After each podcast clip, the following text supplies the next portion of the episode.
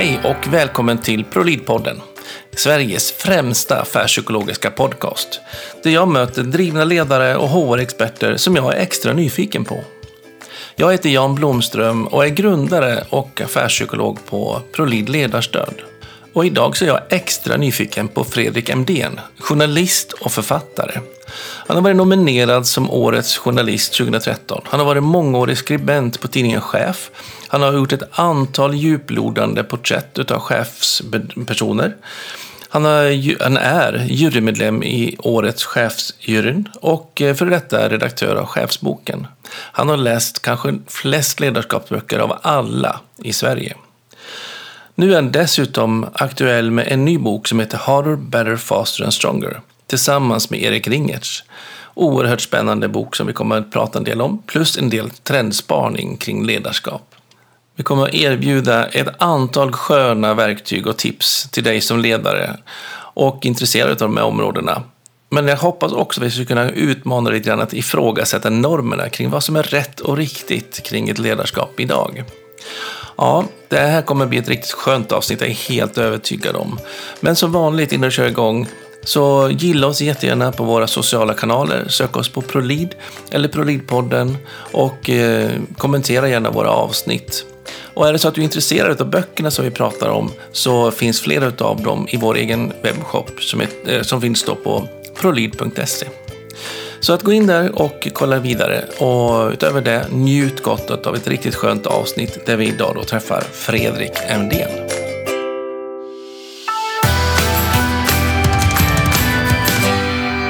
Hjärtligt välkommen till ProLead-podden, Fredrik Emdén. Tack så mycket. Vad kul att vi fick till det. Jätteroligt. Eh, du är ju en person som jag är lite nyfiken på. För, framförallt därför att jag tror att du sitter inne med en eh, inblick som nästan inte så många i Sverige har när det gäller just ledarskapsfrågor. Och eh, sen är du dessutom också författare. Så vi kommer att prata både lite grann kring vad du sitter med för, för inblick ifrån alla kontaktytor du har haft, men också utifrån det du skriver i dina böcker. Så det ska bli kul att få testa lite mer. Men eh, kan inte du berätta lite mer, vem, vem är det vi har framför oss? Eh, ni har framför er en snart 45-årig journalist eh, och författare. Mm. Eh, jag, jag, har varit verksam som jag har varit skrivande sedan ja, barnsben och journalist sedan, sedan tidigt 90-tal. Ja. Eh, ursprungligen från Västmanland. Eh, har bott i Stockholm en massa år. Bor numera på nästan samma plats som, som du bor på. Ja. Nej, det är visst det är jättespännande ju. Ja, och nästan samtidigt. Ja, ja precis. Vi, mm. vi, gjorde, vi gjorde flytten nästan samtidigt. Eh, har varit anställd på tidningen Chef under många år. Eh, sen fyra år tillbaka frilans. Men, men fortfarande nära knuten till, till Chef. Så mm. jag, jag, skriver regelbundet i tidningen. Eh, men på senare år så, så, har jag då ägnat mig åt bokskrivande i ganska hög utsträckning. Så att jag har nyligen kommit ut med en bok som heter Harder, Better, Faster, Stronger som jag skrivit tillsammans med Erik Ringertz på, på Netlight. Just det.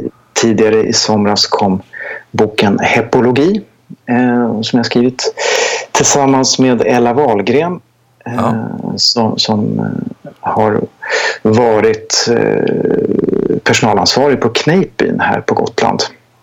Mm. Förra året så, så, skrev jag också eh, hela bilden tillsammans med Asita Shariati. Det är hennes, hennes självbiografi och hennes ledarfilosofi. Just det. Så, så, det, tre böcker på två år. Ja, ett och ett halvt till och med. Ett och ett halvt till och med, ja. Men, men, men eh, det är bara om man ser på utgivningsdatumet såklart. Ja. Eh, de, de, har ju, det är långa processer bakom böcker, det vet ju du. Ja, eh, det är, är ju det. så det, det, är många års arbete som, som, som ligger bakom. Mm. Och så blir de färdiga lite tätare ibland. Ja, ja Men oavsett så är det ganska mäktigt med, med tre titlar på, på ett och ett halvt år. Ja, det är häftigt. Det är häftigt. Det är roligt med böcker. Ja.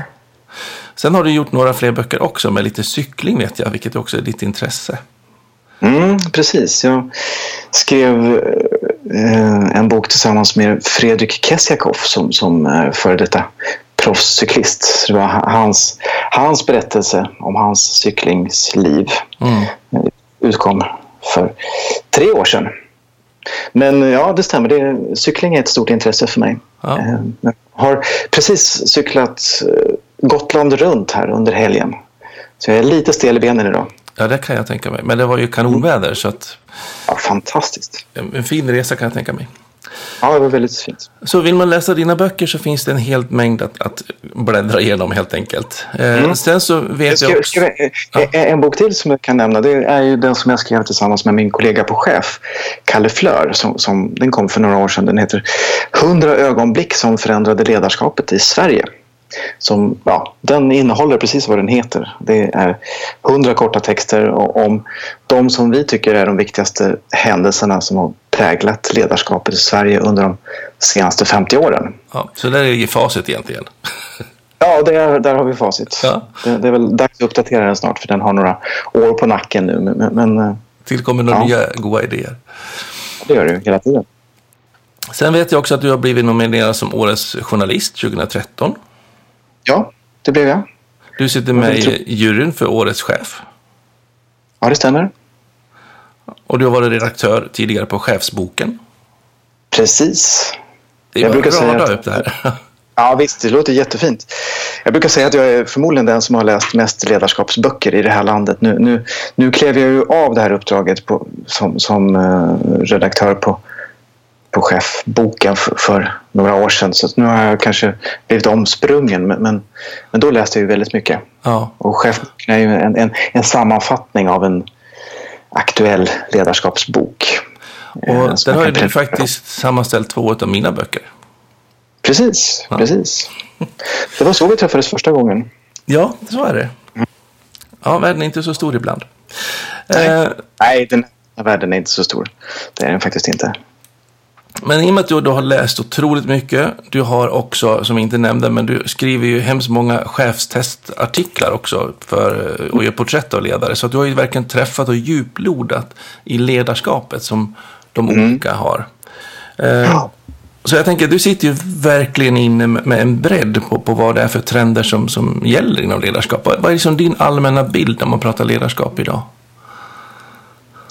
Eh, kan jag kanske börja med att berätta vad cheftestet är för någonting ifall någon undrar. Det, det är en återkommande artikel i tidningen Chef där vi porträtterar en känd eller aktuell chef. Mm. Eh, och det görs genom att vi, ringer runt och pratar med, med människor som finns i den här personens närhet.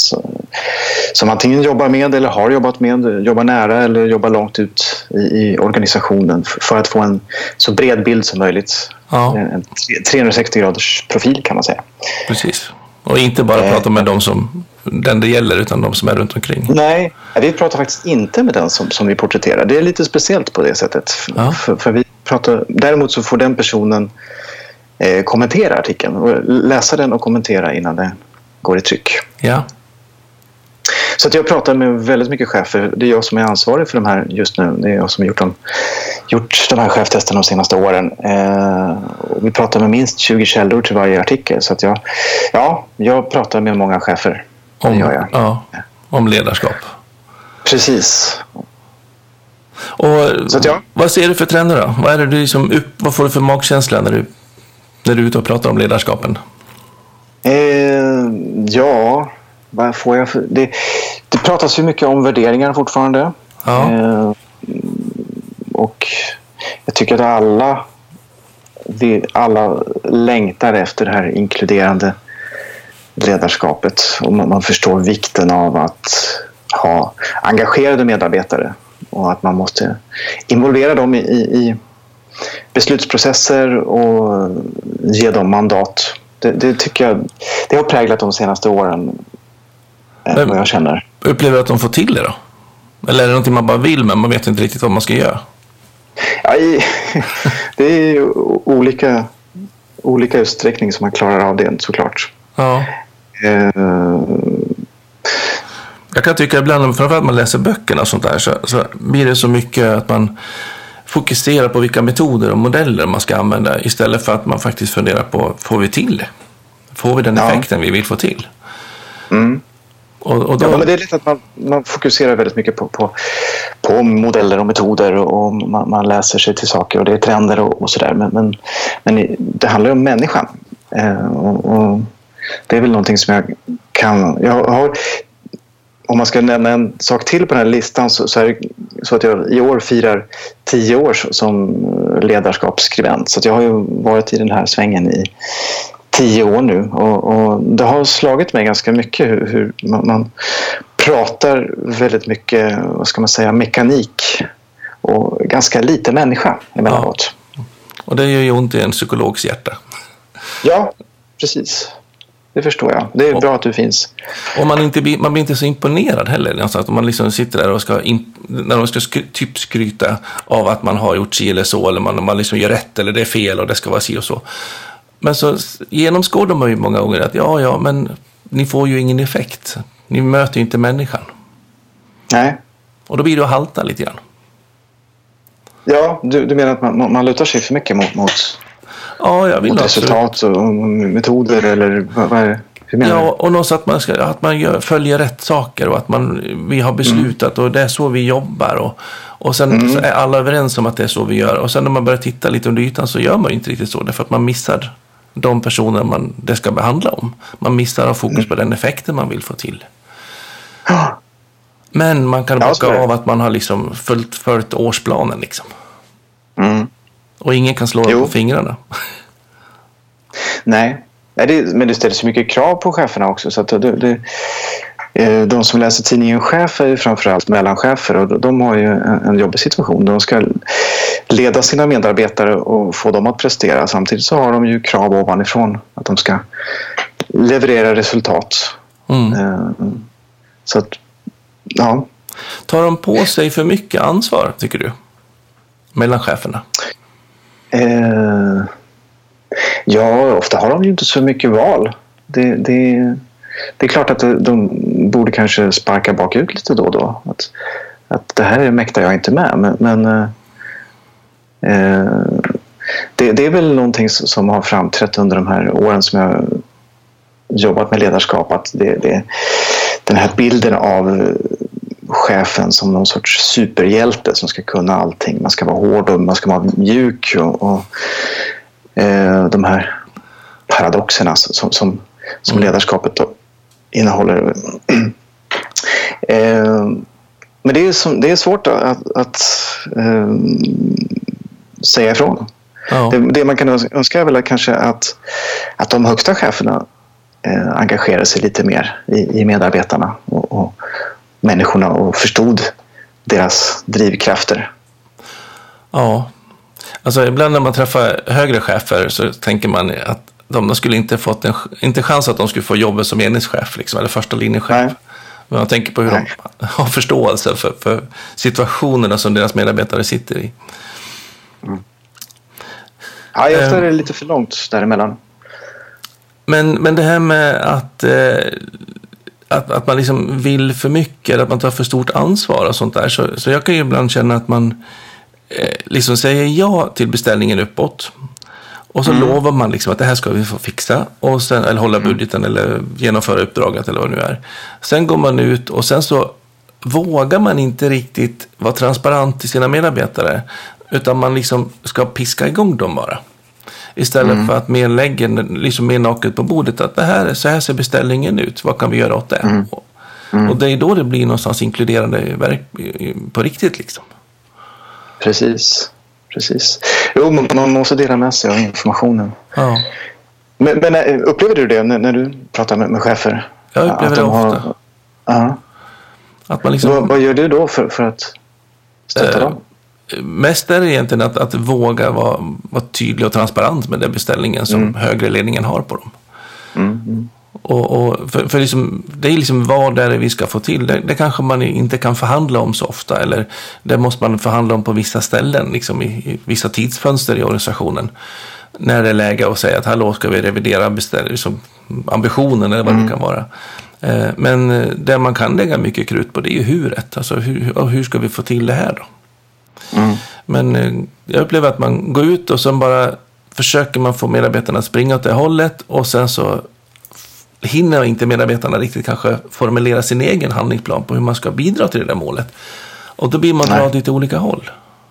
Mm. Och, det, Ja, och det där kan ju liksom vara där man försöker och, och liksom ha kittet och få ihop det genom att prata om det med värderingarna eller att man liksom får till det här med liksom inkluderande arbetssätt och sånt där. Men, men i grund och botten handlar det om att få var och en att säga att så här bidrar jag till att i den här helheten, det är min kugg, del av kugghjulet. Att liksom få till det här som våra mellanchef nu har fått till sig uppifrån. Nej, Ja. Typ så. ja. ja det är intressant.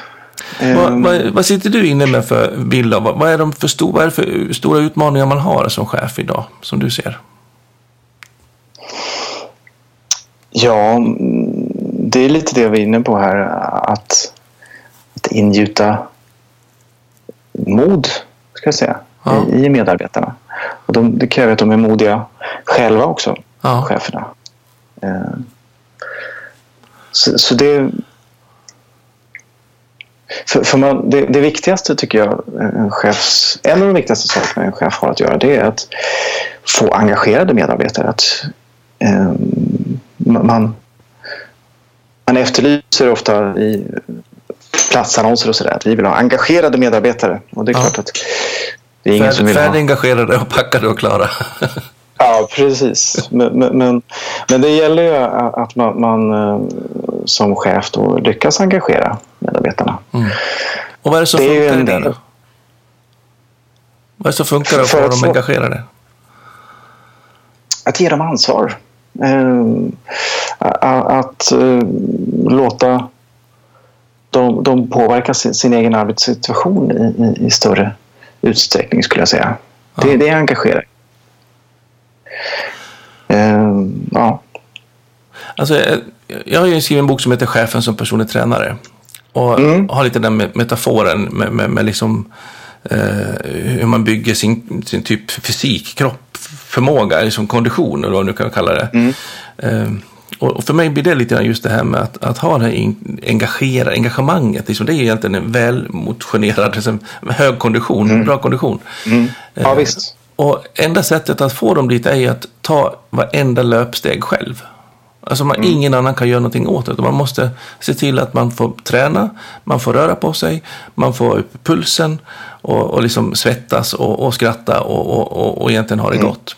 Och det är det som jag också ser det med att skapa drivkraft och engagemanget. Att, att ja, men de måste få, som du säger, få ansvaret, få spelplanen, få börja göra och träna. Och man kanske inte klarar av det särskilt bra. Och särskilt de som inte klarar av det. Det. Det brukar jag jämföra med att väger man 190 kilo och blir svettig för att sätta på sig skorna. Så säger man ju inte oj vad dålig kondition, du behöver nog aldrig gå ut och gå. Ut- Utan det är den som behöver göra det mest kanske. Mm, Och detsamma gäller ju de som inte är, liksom får till det här med att vara engagerade på en gång. Men de behöver träna mer på att göra det. Mm. För att få till det, Ja. få upp den här konditionen. Men man behöver bryta ner det kanske till, till bättre nivåer. Ja, och sen det, det som du är lite inne på också, att man, man tillåts misslyckas. Att det, det är Ja. okej att det, det kanske inte funkar. Man kanske går upp något kilo i processen. Men, men, Ja. men, men sen så, så får man fortsätta. Eh, Man blir peppad och man, man, man Eh, ka- kanske chefen, om vi nu ska fortsätta med, med den här tränarmetaforen, att man, man, man vrider om lite grann i träningsprogrammet och, och ser till att man, man gör någonting annat som passar mig bättre. Ja. Eh, Ja, verkligen. men, men engagemang är ju verkligen en urkraft i organisationen så det, det behövs ju för, för, att, för att kunna driva utveckling, Ja. tycker jag. Och man behöver kanske också hjälpa dem att kunna säga ja men det här är inte det stället du blir engagerad på. Nej. Eller göra det möjligt för de medarbetarna att säga det själva. Mm, mm. Så att det inte man alltid så fort de säger att det här funkar inte bra. Jo, jo, men det kommer att gå bra. Utan, ja, Mm. Det kanske är så att de har sett rätt. De kanske ska vara någon annanstans. Och inte vara så rädda Mm. att släppa dem. Eh, när, om du kollar runt lite grann när du intervjuar cheferna nu och läser när du läser böcker och sånt där kring det. Eh, vad har du sett som är liksom the big no-no? Vad är det som inte funkar idag på dagens arbetsmarknad? Ja, det är väl det här eh, alltså det, det överdrivet auktoritära ledarskapet som inte funkar. Eh, det, det, är lite lustigt så här för hela tiden sen då. Jag som sagt har skrivit om det här i tio år och jag tycker att man hela tiden har pratat om den här generationen som ska komma som absolut inte vill eh, bli ledd. Och, så. Mm. och det, det, det, stämmer inte helt och fullt. Men det behövs ju fortfarande liksom en, en tydlighet. Mm. Eh, men, men, däremot så, så, är det ju så att det är ingen som vill bli man vill inte få talat om för sig vad man ska göra. För, för då, då hittar man inte fram till det här engagemanget helt enkelt. Nej. Eh, så, så, det är väl ett stort no-no, mm. skulle jag säga. Och då är det fascinerande att så många strukturer fortfarande som gynnar just den, det sättet att mm, tänka mm. på. Jo, det är ju det som, som, som eh, den här boken Harder, Better, Faster, Stronger som jag precis har utkommit med tillsammans med Erik Ringertz. Det är det den handlar om. Den, den, den ifrågasätter ju ganska kraftigt varför organisationerna ser ut som de gör idag. Ja. Varför? Och de har ju sett likadana ut eh, i flera hundra år egentligen. Från det gamla har... fina industrisamhället. Ja, precis. Vi, vi, vi, vi, har, har byggt våra företag som en maskin mm. Eh, och betraktar någonstans medarbetarna fortfarande som, som, som kugghjul. Sen så finns det massa trender som man hoppar på och, och metoder man lär sig och verktyg man skaffar sig. Men, men, men i grund och botten är det fortfarande samma sak. Så det, det, jag tror att om man vill möta framtiden framgångsrikt så, så, så bör man åtminstone ifrågasätta lite mer varför vi ser ut som vi gör. Men varför bygger vi då organisationer som det skulle vara 1700-tal? För att vi har en bild av att det fungerar, helt klart. Ja. Det är, eh, och det är lätt att när verksamheten växer, vi, vi alla drivs ju av eh, den här strävan efter tillväxt. Mm. Och då när, när, när vi växer så, så, är det så lätt att använda sig av den här metoden, modellen för att då, då då knoppar vi av så att vi får en, en, en enhet till bara. Så, så, så, har vi, vi bygger pyramiden helt enkelt. Det, det är väldigt lätt att göra det. Och det, det, är ganska mycket som, som är anpassat. Mm. Och börjar man växa vill man ju ha någon som är ansvarig för de olika delarna också. Så bygger man strukturen. Mm. Precis, och då lockar man då med, med, lite chefsroller och då får man... Det blir en, en, en maktsituation eh, då som uppstår och ja, det, det är mm. ganska lätt. Så fort någon i en grupp får makt, mm. har du tänkt på att det betyder automatiskt att de, de övriga gruppen de har, får mindre makt? Så fort man mm. lyfter upp någon att han ska vara ansvarig för någonting så säger man till de andra, ni andra, ni kan sätta er på läktaren och luta er tillbaka och ha armarna i kors. Mm, ja, det kanske man gör. Ja. Det där är ju en svår, svår, svår, svår, situation förstås. Och I synnerhet om, om den här personen lyfts upp i den egna gruppen. Mm.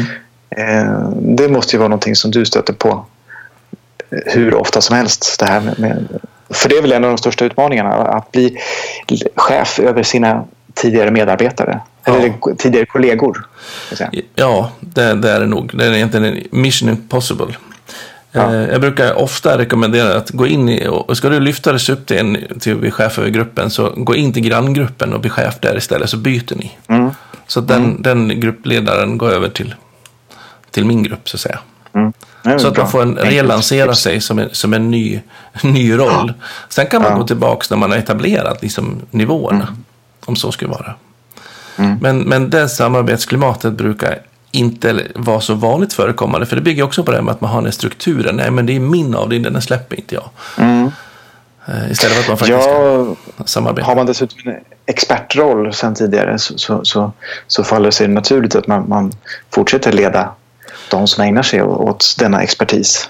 Ja, och, då, och de andra kollegorna då, de lär, fortsätter ju att lära sig att gå till den som är experten och därmed blir inte de andra experten.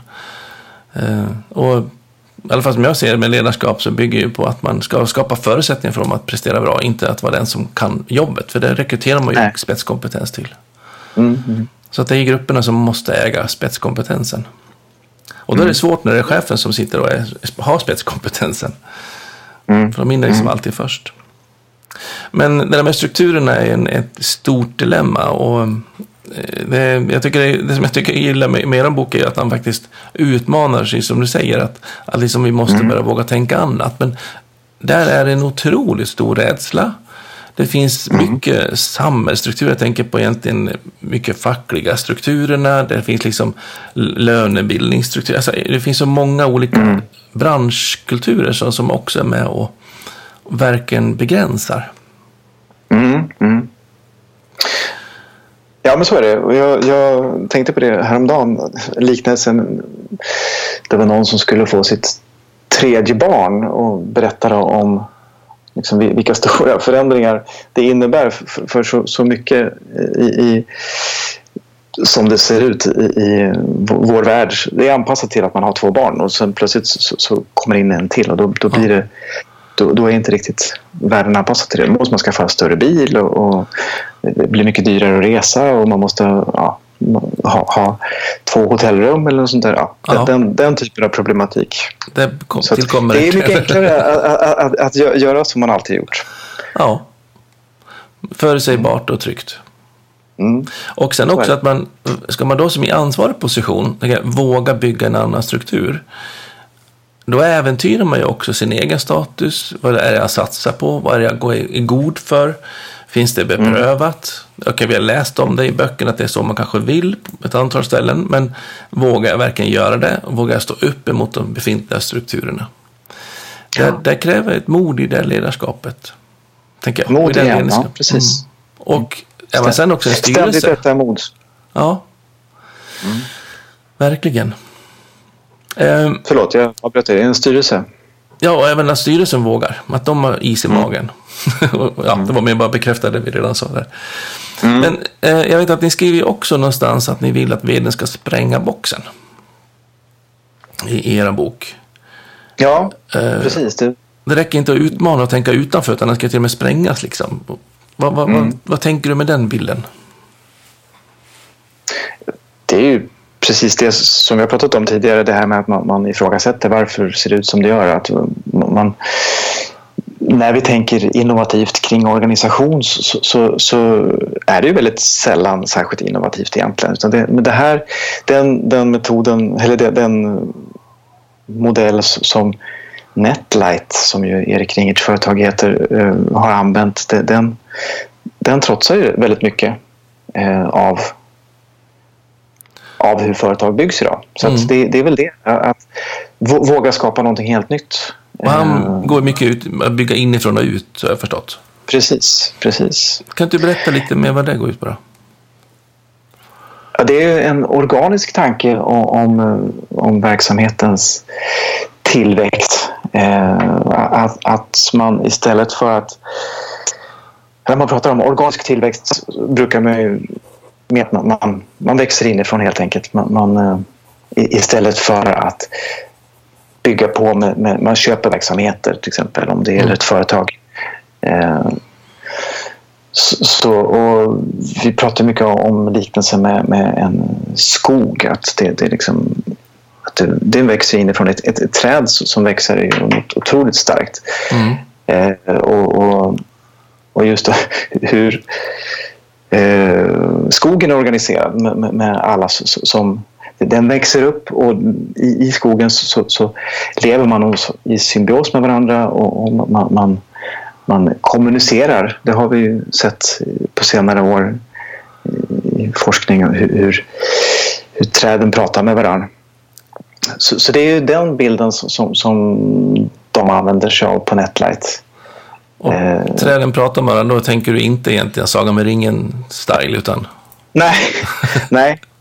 Nej, men eh, det är fantastiskt om, om, det, kom, om det är skadeinsekter eh, på träd. Så, så- på, på något sätt eh, så, så, så kommuniceras detta ut i, i, till andra träd. Och, och, så att de kan börja skydda sig mer.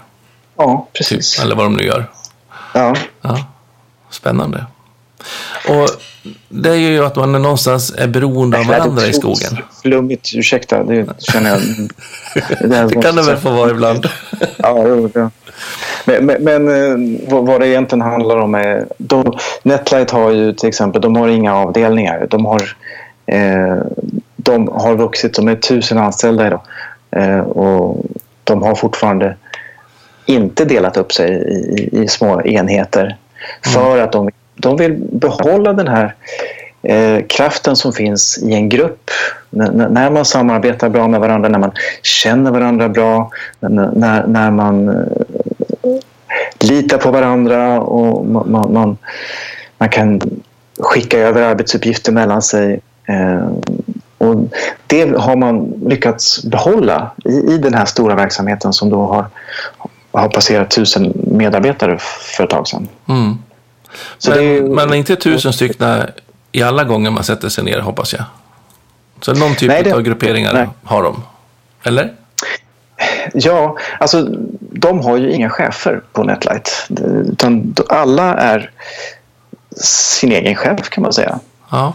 Eh, under arbetet med den här boken så, så var jag i, på, på en av deras konferenser. Jag följde med. Mm. Och det var väldigt speciellt. Och då gick hela företaget genom en ledarskapsutbildning. Mm. Eh, så att alla har lärt sig ledarskap.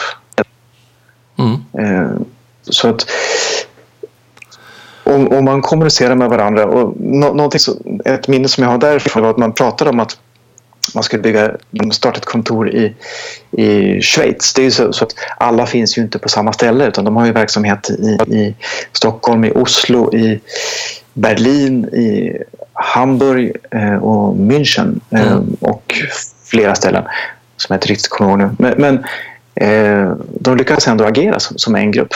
Mm. Men då, då, då skulle man var det de som hade någon affär på gång. De jobbade då som IT-konsulter i Schweiz, tror jag det var. Och, och då, då behöver man inte gå till chefen och fråga så här, får vi göra det här?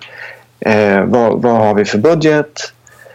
Utan istället så frågar man runt i organisationen. Så här, finns det någon som känner någon som, som finns där i Schweiz? Mm. Eh, och så, så, på så sätt, det är ju en nätverksorganisation. Mm. Eh, och man, man, man, för ständiga samtal med varandra och genom de här samtalen så, så fattas beslut. Och de fattas ju då där verksamheten är. Mm. Eh, alltså verksam, var, verksamhetsnära arenor ja, liksom. Precis. Men du säger... det, det, det, det, som, som Jan Carlson pratade om på 80-talet egentligen. Eh, Mm. Men, eh, att, att, beslut fattas där, där, affärerna görs. Men då tänker jag många som lyssnar tänker så här, men tusen personer, ingen chef, det, kom, det funkar aldrig. Mm, nej, precis. Och så bevisligen så gör det ju det. Ja. Men, men, jag tänker det blir i alla fall några frågor man behöver liksom få lite svar på. Typ vem är det som är lönesättande? Eh, mm. Hur är det med säkerhet? När går gränsen att man blir naiv? Att man tänker att mm. alla vill verksamheten väl. Eh, och, och liksom gör man tillfället gör tjuven pratar man om. Liksom, hur, hur lägger man in kontrollfunktioner?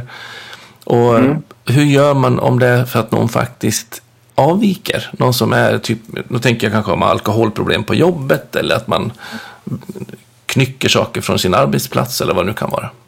Hur tar man tag i sådana saker om man inte har någon chef?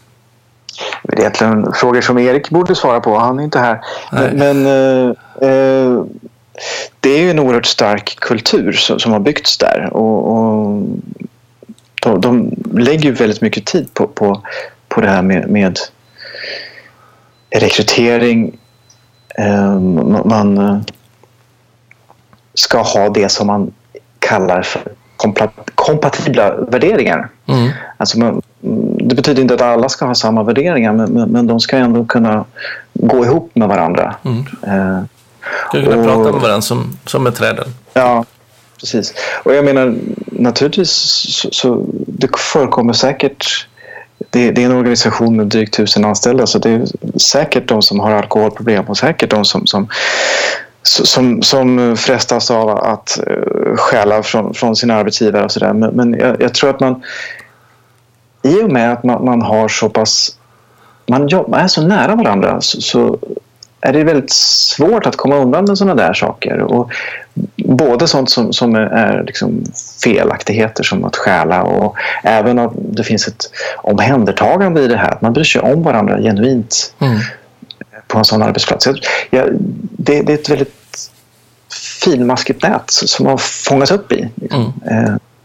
Och då tänker jag att då behöver man ju verkligen en annan typ av struktur än vad man hade på för hundra år sedan. Ja. Jag, jag jobbar mycket med att talangaccelerera verksamheter. Det är mm. det jag brukar prata om. Eh, och precis. Talangaccelererande ledarskap. Ja, precis. Um, och där är ju att man skapar, liksom, i och för sig skapar strukturer, men, men där man skapar ungefär som en, en, ja, en, en avgränsad arena där, där man verkligen får den här närheten och transparensen. Och I det brukar jag också kunna komma till att man jobbar med att man har utvecklingssamtal i gruppen, att man har lönesamtal i gruppen och att man liksom mm. tillsammans mm. sätter sin egen lönebildning. Eh, alla är inte riktigt där än för att man sitter i gamla strukturer kanske, men, men de som vågar ta de här stegen, då kan man ju faktiskt börja jobba med det. För att det är just vi som är nära som vet om vad vi presterar eller vad vi inte gör och vilka alkoholproblem mm. vi nu har. Eh, mm. Men det jag drar en gräns oftast är att när det blir så arbetsdisciplinära saker, så att men du behöver, vi behöver ge rehabansvaret, vi får inte vara i verksamheten för du är ut för en risk när du är påverkad på jobbet eller vad det nu kan vara. Mm. Det, brukar vara, det ska inte gruppen behöva ta, eh, utan det behöver Nej. en chef ta. Men det kan man ju också bestämma i så fall om inte man vill ha, man inte har en chef på det sättet. Vem är det som mm. ska ta de frågorna? Så det är också den här tydligheten som är det viktigaste bara. Mm, mm. Det behöver inte nödvändigtvis vara en, en chefsfunktion. Det kan vara en, ansvarspost på ett mandat. Nu, nu, gissar jag bara lite grann, men, jag kan tänka mig att i en organisation som Netlight att man, man, man ser, jag, jag ser att en, en, kollega har problem med någonting och då drar jag mig till minnes att, vänta lite grann, var inte så att den kollegan som sitter där borta eh, hade en nära anhörig med liknande problem? Eh, mm. Kan jag prata med den personen? Och så, så på något sätt så, så i och med att det finns ett sånt klimat där det ständiga samtalet råder, att man, man vågar närma sig varandra på det sättet. Mm. Eh, och att det, och jag kan tänka mig att det blir ett hinder ibland att man måste gå till chefen och tala om att jag tror att min kollega har, har alkoholproblem. Mm. Eh, det är naturligtvis ett, det är en barriär att ta sig över och, och då ska chefen eh, ta det här svåra samtalet och det, det, det blir en, en kommunikationsväg som, som, kanske är onödigt lång och blir onödigt krånglig och eh, saker och ting det dröjer kanske innan saker och ting fångas upp. Mm. Och problem problem får på, får på så sätt bli större än vad de är. Och sen blir det lite knepigt när chefen kommer och säger jag har hört att du har alkoholproblem. Mm. Mm, mm.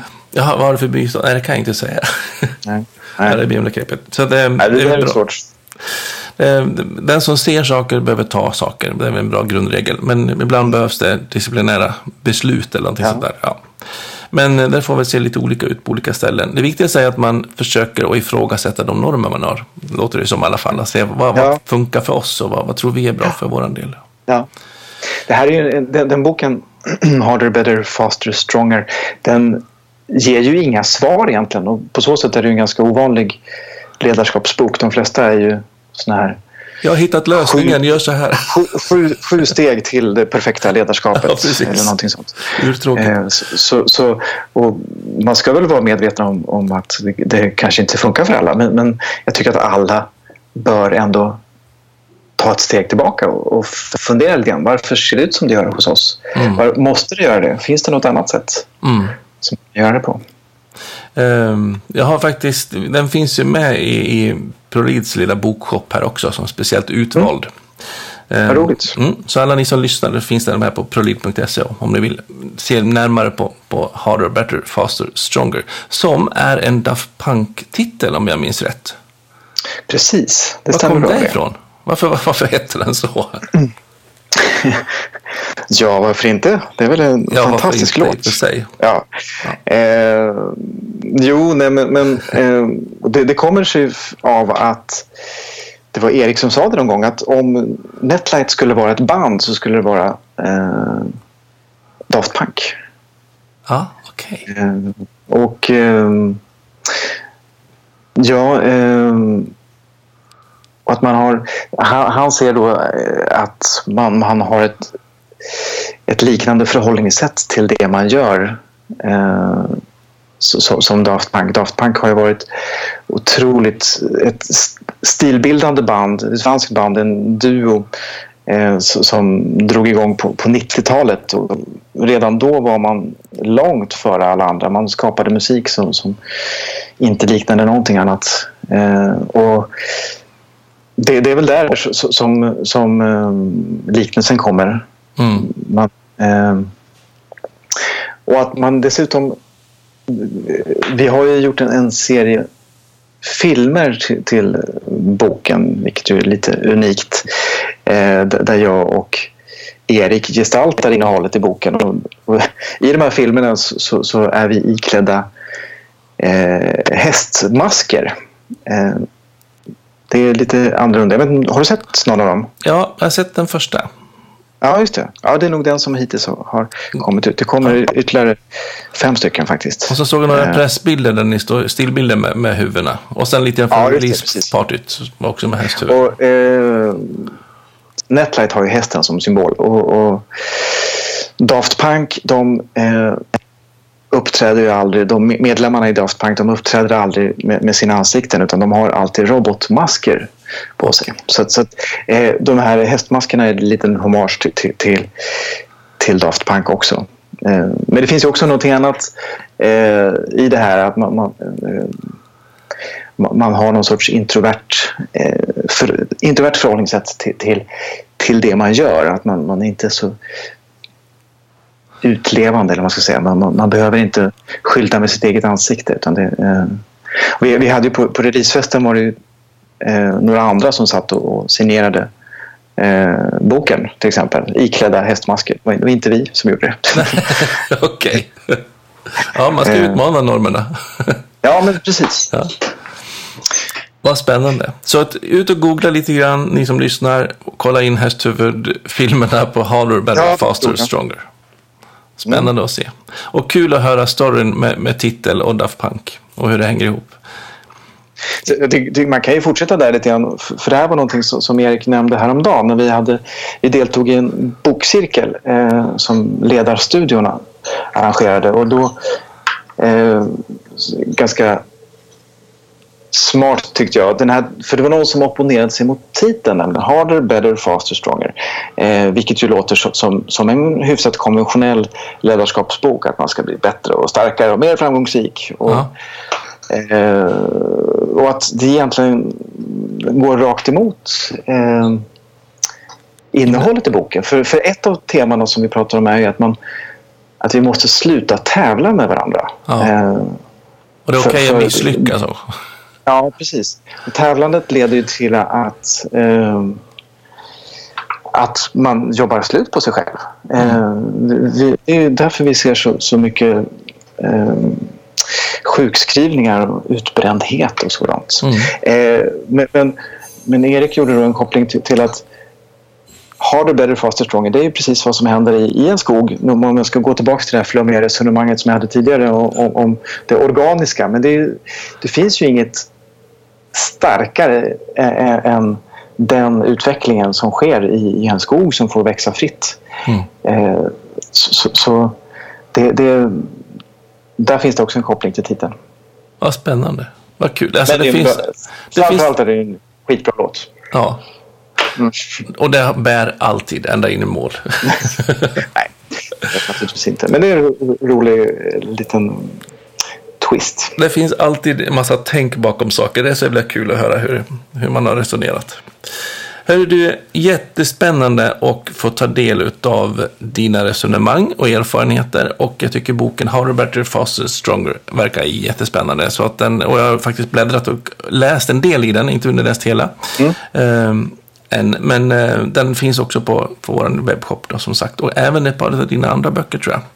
Eh, så ja. att eh, kolla gärna igenom det, ni som lyssnar. Och eh, om man vill få mer kontakt eller veta mer om dig eller få kontakt med dig Fredrik, var får man tag på dig?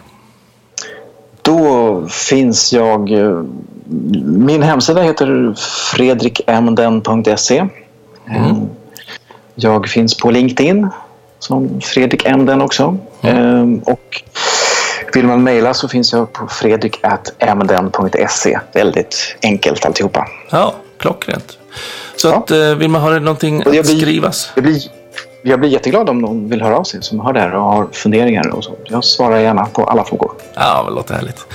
Tusen mm. tack att du kom och vill ni fortsätta lyssna på ProLead-podden så följer ni oss på våra sociala medier och prolid.se eller prolidpodden.se och så hörs vi nästa gång. Tusen tack för idag Fredrik. Stort tack. Hej. Roligt att få vara med. Ja, Hej. Kanon. Hej.